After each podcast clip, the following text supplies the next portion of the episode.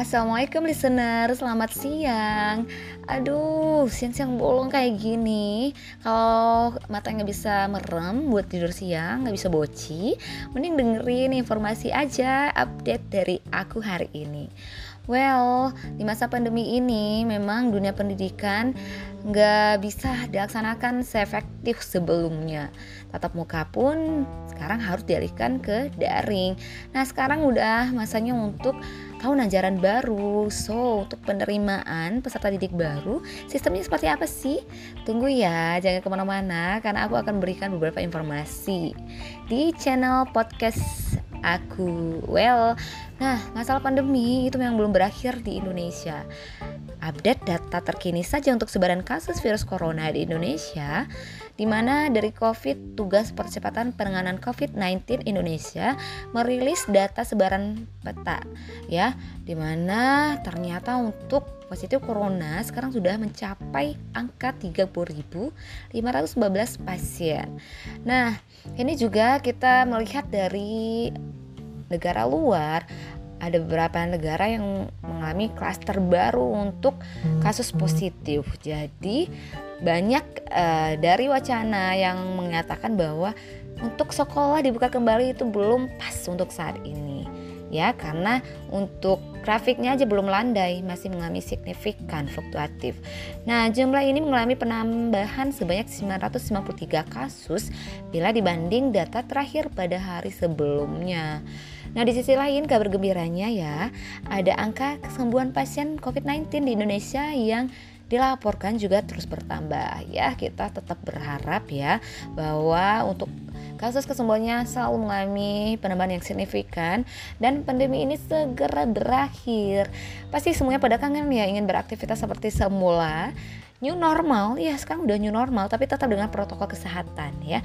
Uh, mau keluar rumah ya tetap bawa masker pakai masker bawa hand sanitizer selalu cuci tangan dan selalu jaga jarak ya.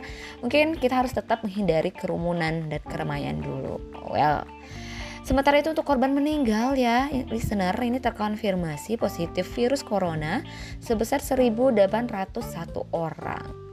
Nah, gimana sih untuk pelaksanaan mekanisme PPDB-nya untuk saat ini?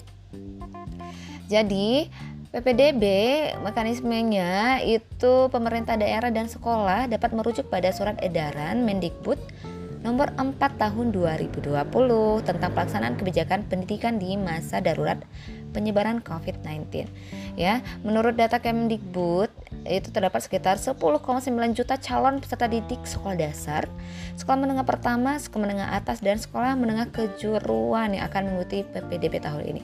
Yang bisa dibayangin ya kalau semuanya mengalami apa berkumpul dalam kerumunan. Nah, itu yang harus dihindari.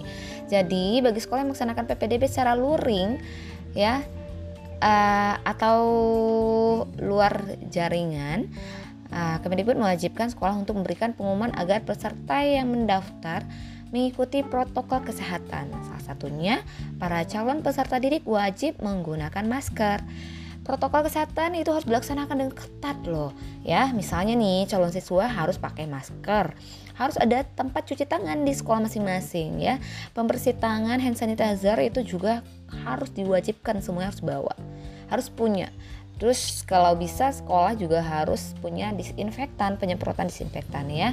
Selain itu jaga jarak itu harus selalu diingatkan kepada calon peserta didik baru ya.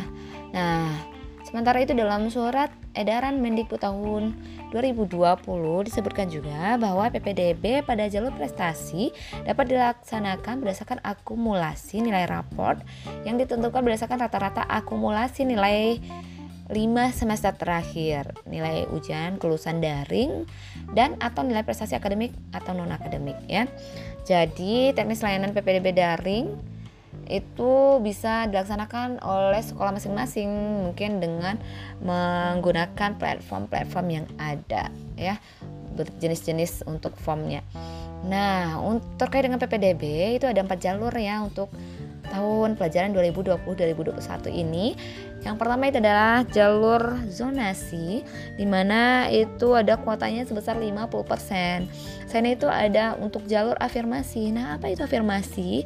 Karena ini adalah pertama untuk tahun ini. Jalur afirmasi itu adalah diutamakan untuk siswa yang kurang mampu dengan kuotanya 15% dan itu harus ditunjukkan dengan kartu uh, Indonesia Pintar, KIP atau PIP.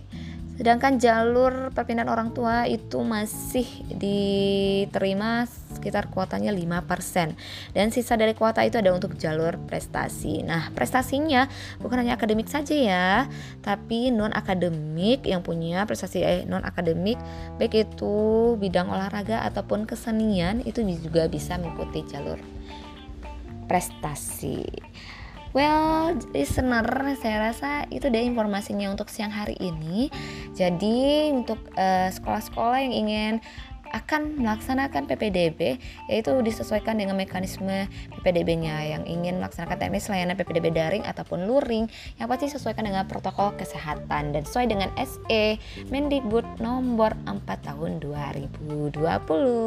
Oke, sampai jumpa ya untuk informasi berikutnya di My Passion My Podcast. Jangan lupa always listen my podcast.